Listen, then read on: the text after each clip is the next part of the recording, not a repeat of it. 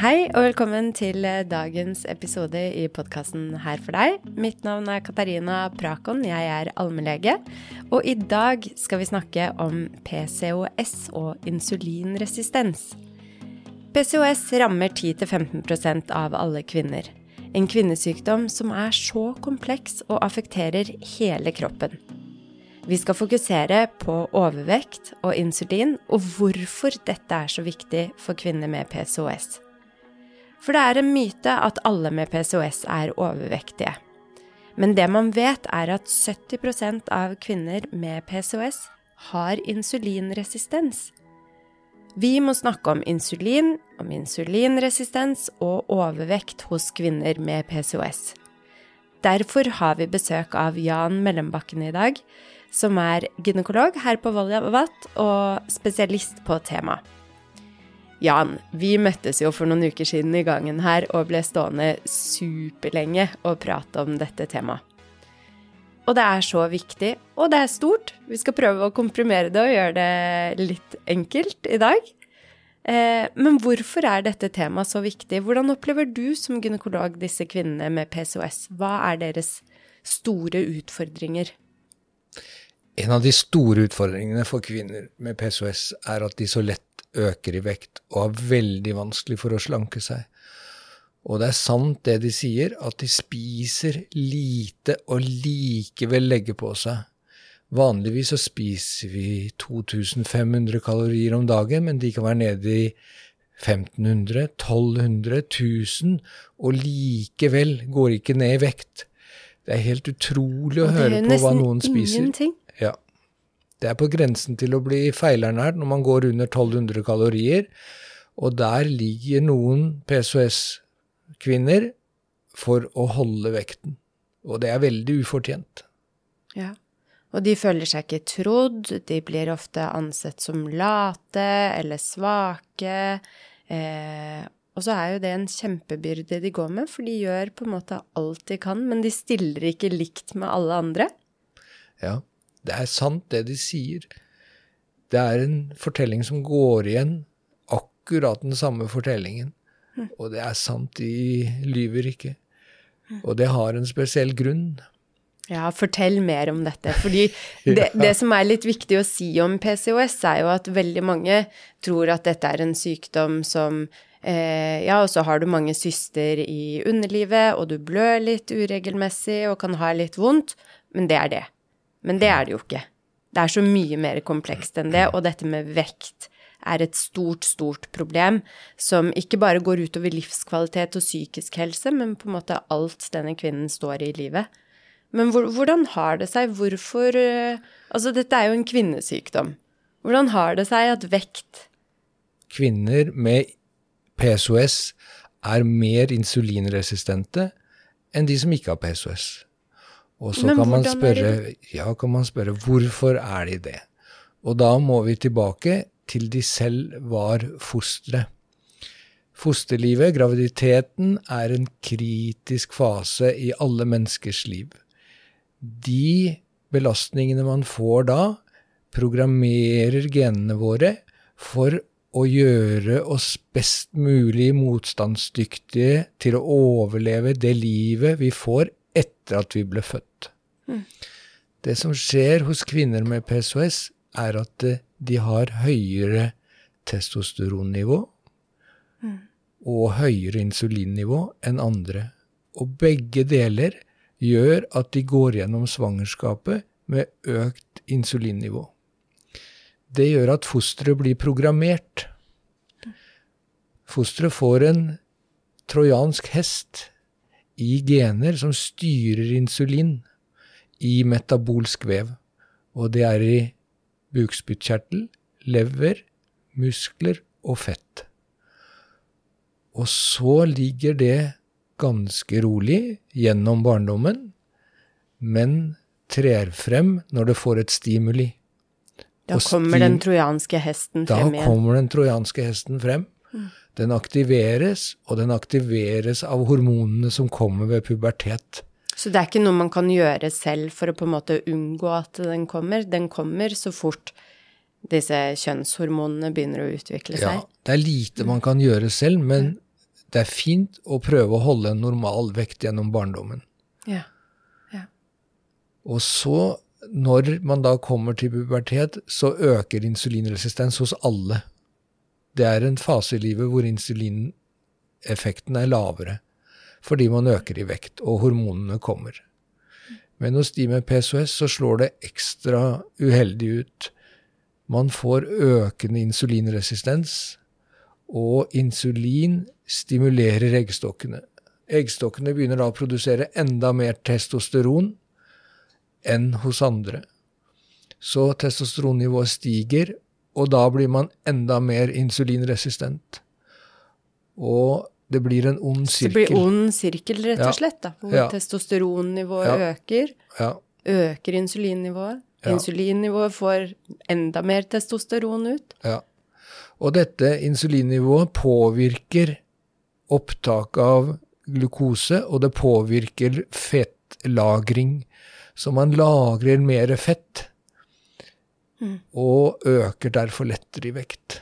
Ja, for vi må, ta, vi må, ta, et lite steg tilbake for de som ikke vet hva insulin er. Så er insulin rett og slett et hormon i kroppen som skilles ut av eh, bukspyttkjertelen, eh, som eh, skilles ut når det, er, eh, når det oppdages eh, glukose eller sukker i blodet. I respons av dette skilles insulin ut, og da går insulin bort til cellene og slipper på en måte glukosen inn i cellene, slik at sukkeret eller glukosen du spiser, kan brukes som energi. Ja. Men har du for mye sukker, for høyt glukosenivå, så eh, tar Stiger den insulinnivået. Ja. Og ja. da tar den disse her eh, lagrene og lagrer det som fett. Mm. Det er riktig.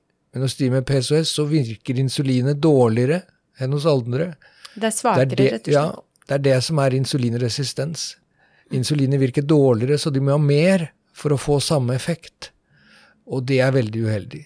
De ja, går med høye insulinnivåer, og det gjør at de øker i vekt. Det gjør at de lagrer fett, og derfor legger de så lett på seg. Fordi de har disse høye insulinnivåene, og det gjør at de drar fett på kroppen. Og det gjør at det blir så vanskelig å slanke seg. Fordi at insulinet ligger der hele tiden og holder på dette fettet. Det ligger og beskytter rett og slett det fettet det har? Ja.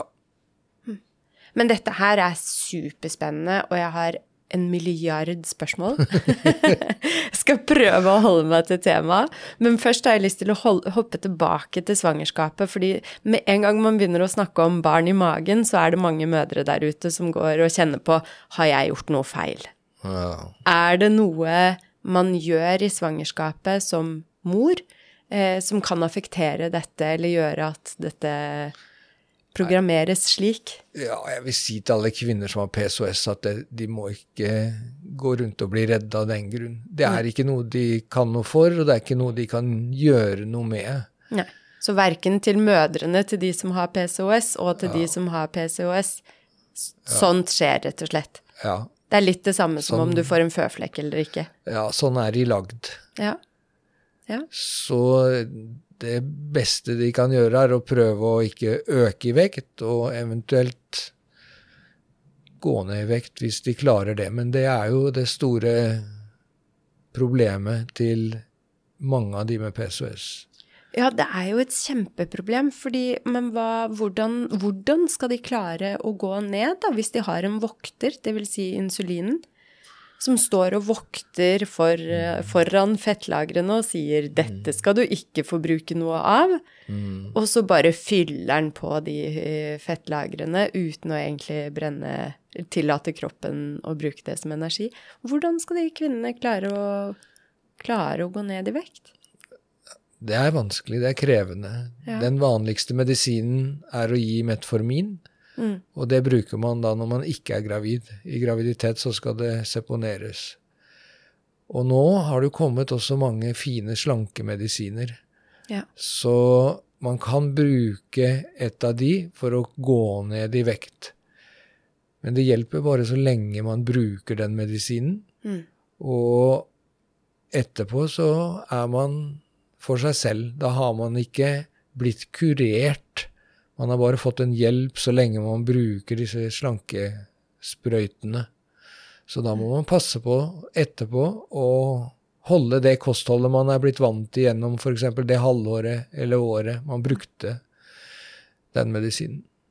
Ja, Å anerkjenne at det er et problem, og slutte å kjempe imot. For dette med hos de kvinnene som strever sånn med å gå ned i vekt, så øker jo også stresshormoner og kortisol og alt mulig sånt, som igjen bidrar til økt insulin, og igjen bidrar til økt testosteron, ikke sant. Så bare det å anerkjenne at dette er et problem hos kvinner med PCOS, det er ikke uvanlig, du kan ikke noe for det. Du må ha en litt annen approach enn alle andre. Mm. Det vil i hvert fall være med å senke stresset rundt det, som igjen gir en bedre ja, kanskje forutsetning for å klare å, å, stå i det. Men vi snakket litt om, mm. Jan, mm, du hadde tre grupperinger på folk med eh, insulinresistens eh, og PCOS. Eller mm. ikke PCOS. Um, kan du ikke fortelle litt om det? Ja, de kvinner som ikke har PSOS, men som er overvektige, mm. de vil kanskje utvikle insulinresistens bare pga. overvekt. Det er vanlig. Og økt insulinnivå kan gi økt testosteronnivå. Så det er en mulig vei inn til PSOS. Av slanke kvinner så har bare 5% PCOS. Men av overvektige kvinner så øker det opp til 10-15% sånn at overvekt induserer, skaper PCOS. Så de kvinnene som da ikke har PCOS, men legger på seg, de får økt testosteronnivå, og det påvirker et foster. Så har man kvinner som har PCOS og slanke, de får en påvirkning av fosteret som er økt i forhold til de som ikke hadde PSOS først. Og så har man de som har PSOS og er overvektige, og de får enda høyere testosteronnivå i svangerskapet, som skaper mer insulin og insulinresistens, og programmerer fosteret til å kunne selv få insulinresistens når man kommer etter pubertet, kanskje tidlig voksen alder. Så det er egentlig den eh, i gåsetegn verste gruppen. Ja. Eh, mest utsatte gruppen er de som har PCOS og overvekt. Ja. Det kan det klassifiseres litt, litt sånt. Ja. Ja. ja. Ja, nei, dette er jo utrolig spennende, og jeg liker jo så godt at det er så mye fokus på ernæring i mm. samfunnet nå. Ja. Mm, som leder oss videre til dette med insulinresistens, fordi insulin reagerer jo litt ulikt på hva man spiser. Mm, man har høy glykemisk indeks og mm. lav glykemisk indeks i mat, hvor høy glykemisk indeks er det som frigjør masse sukker veldig raskt. Mm. Blant annet eh, kan dette komme fra matvarer som dessert, sukker, frukt mm. osv. Mens lav glykemisk indeks eh, handler om at man klarer å holde blodsukkeret mer jevnt og fordele det litt utover, sånn at man holder på metthetsfølelsen og ikke får disse cravingsene også. Mm. Eh, og det kommer fra mat som bl.a. Eh, grønnsaker osv. Hvor viktig vil du si at eh, en diett er for eh, kvinner med PCOS? Jeg tror det er veldig viktig. Ja. De bør følge en diett som du skisserer nå, som er vegetabilsk og ikke øker blodsukkeret kraftig. En middelhavsdiett kan være et utgangspunkt. Mm. Man blir ikke kvitt PCOS ved å følge en spesiell diett, men det er viktig å ikke øke i vekt. Og da er eh, kostholdet viktig. Ja, for hva gjør, hva gjør hvis, man, hvis, man, holder PCOS-en litt i sjakk, da, hvis man kan si det ja, sånn, ja. med en diett og kontrollert vekt? Hva, eh, hvilke effekter har dette på helsen til kvinner med PCOS? Så lenge de klarer å holde vekten, så har de lavere risiko for å øke blodtrykk og øke mot diabetes. Fra å være normal til diabetes type 2, så er det først insulinresistens, og så prediabetes, og så diabetes. Så jo mer man legger på seg, så jo høyere er risikoen. Altså ved BMI opp mot 35 er risikoen økt økt eh, betydelig for å utvikle type 2-diabetes. Mm. Så dette med vekt og PCOS er rett og slett både eh, at man er litt i økt eh, risiko for å utvikle andre livsstilssykdommer, mm. hjerte-karsykdommer som kan potensielt få store følger. Eh, for diabetes type 2 er jo en VIP-inngangsbillett videre til eh, økt risiko for hjerte-karsykdom og hjerteinfarkt osv. Eh, men hva med symptomer på PCOS, da? Vil de affekteres noe av at man klarer å holde en stabil vekt eller gå ned i vekt, eller har ikke vekten så mye å si for, for symptomer? Jo, alle symptomer blir verre når man øker i vekt, for da øker insulinnivået. Fordi man blir enda mer insulinresistent. Og insulinet stimulerer eggstokkene til å produsere mer testosteron. Og man får da mer hår. Ja, for hvorfor er testosteron dumt for kvinner? Altså testosteron Menn skryter jo og vil jo gjerne ha skyhøye verdier av testosteron. Ja, det er en grense for hva som er eh, fordelaktig. Ja, Så økende insulinnivå hos kvinner gir økt testosteronnivå. Og det er mer uttalt når man øker i vekt. Og så er det dette med at det da blir enda lettere å øke vekt igjen, fordi at insulinnivået mm. gjør at du legger enda lettere på deg. Det blir en ond sirkel. Mm. Og litt det du sa også, litt sånn ikke ønskede effekter hos eh, kvinner med hva sa du, økt hårvekst og akne og litt sånn? Ja, også lipider. Man mm. kommer jo inn i det som heter metabolsk syndrom, og der er det kolesterolverdiene, så er det blodtrykket, ja. og så er det midjeomkretsen og eh, blodsukkeret som spiller inn. Så jo mer man øker i vekt, jo høyere er risikoen for å få metabolsk syndrom, som er en samlesekk på økt fare for kardiovaskulær sykdom. Ja, dette her eh, Nå går det varmt i topplokket hos meg som allmennlege. Fordi eh, jeg har jo Kan jo litt om mye. eh, men eh, ikke slik som du, som er god på dine temaer og alle gynekologiske tilstander. Jeg får jo ofte inn kvinner på kontoret mitt med PCOS som eh, sier at eh, blodprøvene har vært fine og alt er greit. Men bør man ikke egentlig følge midjemål og langtidsblodsukker og er det måte å teste insulinresistens hos disse kvinner? Hvor, hvor, nøye går man inn i måte resten av kroppen hos PCOS-kvinner? Insulinresistens kan enkelt måles ved å måle C-peptid fastende. Man kan mm. også måle insulinfastende. Mm. Og midjemål er ganske strengt. Det skal helst være under 88 cm hos kvinner, 94 cm hos menn, og det er ganske lite. Man er ganske slank hvis man har 88 cm rundt midjen, så det er en annen måte å måle helsen på. Og så blodtrykk. Og man kan også måle fastende glukose- og langtidsblodtoker hvis man mistenker prediabetes eller diabetes. Men hvis man mistenker det, og hvis man slår ut på de testene der, så har det vel allerede gått egentlig veldig langt.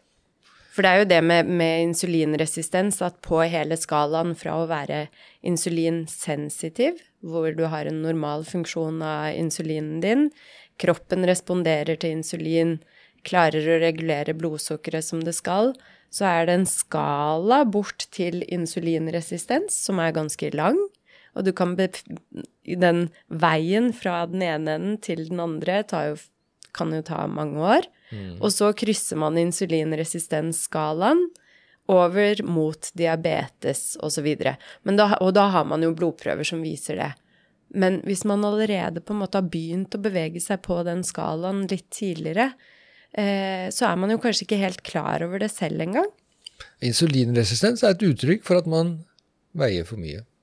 Ja. Det er et enkelt mål på at man veier mer enn man egentlig burde. Så egentlig er man overvektig, så har man trolig en insulinresistens? Ja. Mens hos de med PCOS så kan de ha normal vekt og er insulinresistente likevel. Og det er det som er svøpen ved PCOS. De er mer insulinresistente selv om de er normalvektige. Og det er derfor de øker i vekt. Og det er derfor det er så viktig å kunne, kunne dette. Mm. Å være bevisst på dette. Mm. Både for kvinnene der ute som har PCOS, men også for behandlere som møter disse kvinnene. Mm. Så det er ikke så alvorlig å ha insulinresistens, men hvis man kommer dit at man har prediabetes, mm. da må man stoppe opp kraftig. Fordi at det, da tar det noen år, men da har man høy risiko for å utvikle diabetes. For da har det gått, da har det gått som du sier, etter mange år allerede med forstadiet, hvor man kunne ha gjort noe, og det kan man ennå ved prediabetes, men da må man handle. Da må man ned i vekt. Mm. Og til dels mye. Mm. Vi snakket litt om Det var så spennende det du sa med feilernæring hos disse kvinnene med PCOS. For de har jo ofte litt blødningsforstyrrelser. De litt, kan ha sjeldnere blødninger enn eh, andre kvinner. Um, men de trenger jo allikevel ernæring. De trenger jern, de trenger vitaminer. Og det å hele tiden kjempe kampen mot en overvekt og spise mindre enn det man skal, Eh, det er jo fryktelig vanskelig balanse. balanse. Ja. Når man kommer ned i 1200 kalorier i døgnet, så må man tenke seg om at man ikke mister mineraler og vitaminer som man trenger. Da må man ta et kosttilskudd. Er det lurt eh, sånn etter din mening, og jeg vet at du har mange gode kolleger eh, på de store sykehusene rundt i byen som du jobber tett sammen med og diskuterer dette nettopp fordi du brenner så for faget og for disse kvinnene og at de skal ha det best mulig. Eh, er det en idé fordi å på en måte sjekke vitaminstatus litt oftere? Eh, kanskje bli fulgt opp av ernæringsfysiolog eller sånne ting? Hva, hva mener du? Hva er din jeg, erfaring? Jeg måler alltid B12 og forlat på dem. Ja. Og ofte D-vitamin også. Mm. For å gi en eh, status. Mm. Sånn at vi ser at det er normalt. Eller ikke. Ja, veldig bra. Det skal jeg begynne med også. Nei, for det er jo noe med hvis man mangler de viktige og riktige nærings... Uh, altså byggeklossene i kroppen, så blir man jo også slapp og sliten og tyr til litt lettere løsninger med mat, og så baller det på seg, ikke sant? Ja. Og jeg måler alltid stoffskifte også, ja. fordi at det kan lure oss. Det med å bli slapp og sliten. Så det hører med oss en PCOS-pasient å måle stoffskifte. De har ikke økt fare for det, men altså, man må huske å måle det. Måler du langtidsblodsukker også? Ja, alltid. Alltid? Ja. Og med regelmessige kontroller? Hvis de er slanke, så tar jeg det ikke inn til nye kontroller. Men hvis de er store, ja. så vil jeg gjerne ha en kontroll etter tre år. Ja. Se hvordan det utvikler seg. Vi var så vidt innom eh, behandling i starten, fordi jeg ble så ivrig og ville høre hvordan vi kunne hjelpe disse kvinnene. Mm. Nå har vi jo snakket litt om dette med diett med lavglykemisk og høyglykemisk eh, mm. indeks, og være bevisst på sukkeret man får i seg. Mm. Eh, og så glemmer jo veldig mange at det er sukker i alkohol, det er sukker i juice, det er sånne skjulte sukkerkilder rundt oss. Eh, men det kan man jo lese seg, lese seg opp, opp, på. Eh, hvilke andre behandlingsalternativer har man for PCOS? For p-piller er vel en del av behandlingen også? P-piller er veldig vanlig for å få ned testosteronnivået og ja. bedre huden. Da må man velge en p-pille som gjør at huden blir verre. Det går an å ha p-pille med et gestagen som virker androgent og gir mer akne, så man må velge en som da bedrer huden. Og alternativet til de som ikke kan eller vil ha p-piller, er å gi spironolakton. Det er egentlig et blodtrykksmedisin, men det har en effekt. Det er et testosteronlignende preparat mm. som et kunstig gestagen, og har den effekten at det senker testosteronnivået og hjelper på huden. Ja, så det man egentlig vil, er å senke dette testosteronnivået, fordi vi kvinner skal ikke ha for høyt testosteronnivå. Det er ikke bra for oss. Nei, hvis det kommer økt hårvekst, så er det høyere enn man eh, ønsker. Ja. Ja, for det er jo dette ytre, ikke sant. Man ser det på de ytre tingene med akne, som vi var innom, med økt hårvekst, med hårtap, som er litt sånn mannlig type ja. hårtap. Ja. Um, det kan være tegn på at testosteronet er for høyt. Mm. Um, men tilbake til p-piller. Jeg bare kom til å tenke på flere av p-pillene vi har Eller nå har det jo vært en storm i, eh, blant influensere og på sosiale medier om alle bivirkninger p-piller gir. Mm. Så er det et lite opprør om at hvorfor skal vi gi kvinner stå i disse bivirkningene. En av bivirkningene som nevnes ofte, er um, vektøkning. Og det er vel rimelig uheldig mm. hos PCOS-kvinner. Er det, etter din mening, noen p-piller Skal vi være helt sånn Dette her er jo kanskje litt for detaljert for mannen i gata, men, eh, men godt for de med PCOS å vite. Er det noen p-piller som er bedre enn andre nettopp eh, for PCOS-kvinner? Nei, man må prøve det ut. Man må ja. se på den enkelte hva som skjer. For det kan også skje ved hormonspiral som bare har et gestagen. Kan noen ja. legge på seg òg. Akkurat som noen veldig... kan bli deprimert av det og Man må prøve det ut. Ja. Og hvis man prøver det ut og får en bivirkning, så er den reversibel når man da fjerner eller bytter til noe annet, ikke sant. Så ja. du blir jo ikke gående ja. Du gjør ikke en skade på kroppen. Nei. Og da kan man også oppleve å gå ned i vekt. Hvis man har økt mye vekt, så kan man oppleve å gå ned igjen. Ja. Også vel hvis man tar p-piller og har hatt en ubalanse i kjønnshormonene og får en balanse igjen, så er det lettere å gå ned i vekt. Har det noe å si? Ja, det var et godt spørsmål. Du får en balanse og går ned i vekt. Det er ikke en slankemedisin. Nei, Nei. p-piller er ikke det. Jeg ser du hadde litt spørsmål. Det er ganske lenge siden, men dere sa at når man blir liksom eh, insulinresistent. Eh, men så betyr det på en måte inni hodet mitt at, at insulinet på en måte totalt sett får en lavere effekt. da. Mm. Ja. Kan man bare ta mer insulin? Kan man ta ekstra insulin? Ja, det er det kroppen gjør ved å produsere mer insulin. Og så til slutt så blir den utslitt, denne bukspyttkjertelen, og så får man diabetes. Men det er noen med type 2-diabetes som tar insulin, ja. Og det kan komme dit. Men å gi insulin når man ikke har type 2-diabetes, er vel ikke helt heldig, nei, nei, det, heller? For det slår jo ut kroppens ja, egne nei, produksjon. Nei.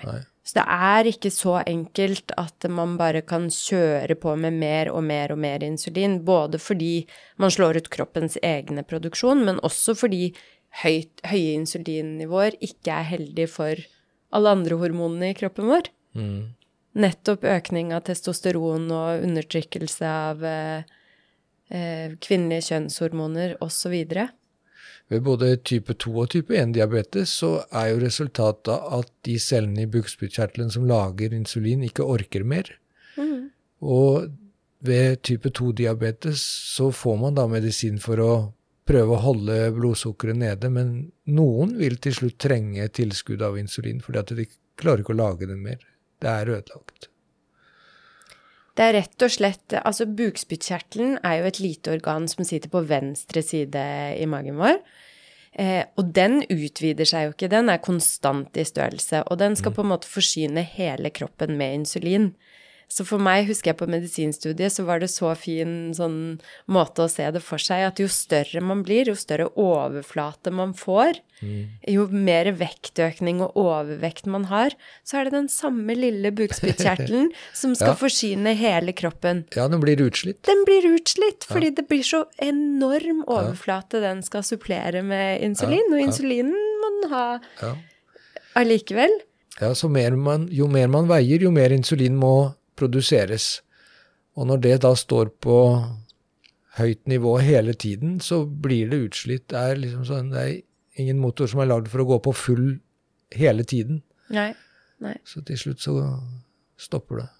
Og så tenker jeg det er viktig å få frem det du sa tidligere, Jan, med de tre gruppene og dette med insulinresistens generelt i samfunnet.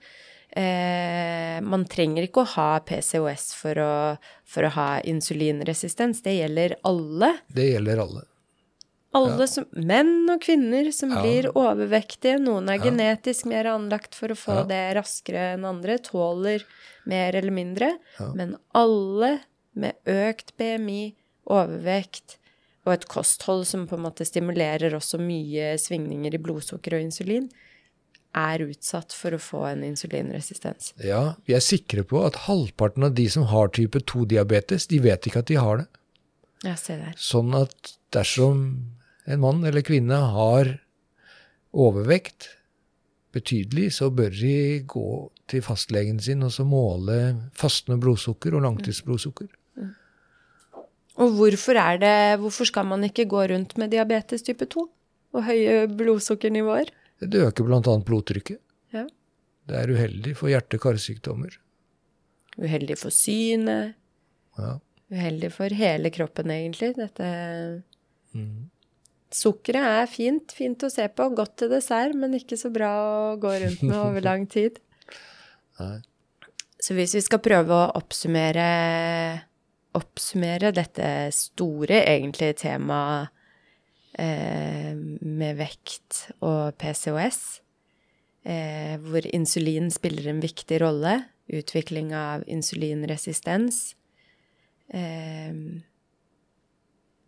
har du noe å si, Jan, til de kvinnene som, eh, som for, har problemer med vekt og har PCOS og For alle personer som øker i vekt, vil insulinet begynne å virke dårligere, og da kaller vi det insulinresistens. Og hos de som har PSOS, så har de insulinresistens allerede fra de er slanke.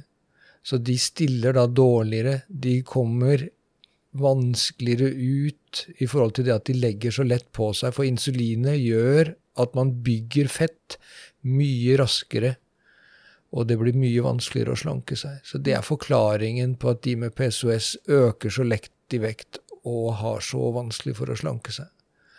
Og dette er programmert allerede fra fosterlivet. Og kommer til uttrykk da når de kommer til pubertet, kanskje tidlig voksen alder, hvor hormonene øker og vekten øker. Det stimulerer til mer insulinresistens. og Derfor er det første det er viktig å holde vekten. Om du ikke klarer å slanke deg, så må du i hvert fall stoppe. Du må holde vekten. Og be om hjelp ja. hvis du ikke får det til. Ja. Og litt uh, av grunnen til at dette er viktig, er litt det vi har vært innom. Nettopp fordi en vektøkning vil også forverre symptomer på PCOS. Mm. Så en vektnedgang kan gjøre at du får det bedre med PCOS-en din. Fertiliteten din går opp, livskvaliteten blir bedre. Ja, det er korrekt. Det er en god måte å få bedre eggløsning på. Få, altså at mensene kommer tilbake, blir hyppigere og kan gi eggløsning. Mm. Det er også, første skritt. Men også resten av kroppen, hele kroppen, som affekteres av insulinresistens hjert, motvirke hjerte-karsykdom, eh, diabetes Alt det vi har snakket om. Eh, så de to tingene er superviktig ja. for kvinner med PCOS å vite og kunne og få hjelp til. Dette er, sånn som Jan sier, ikke noe man kan noe for, men som krever litt ekstra omsorg og behandling. Ja, enig omsorg og behandling. Ja. Det var godt sagt. Ja. Og tusen takk, Jan, for at du hjelper meg å løfte dette viktige, viktige temaet og kunnskap om dette mm. rundt til de som måtte trenge det. Eh, takk for at du deler din kunnskap om det og jobber for dette. Og til alle dere der hjemme, håper dere har lært noe. Eh, send gjerne episoden videre til eh, de som eh, har godt av å høre på dette eller trenger å høre dette og kan få litt hjelp av det. Og så høres vi neste uke.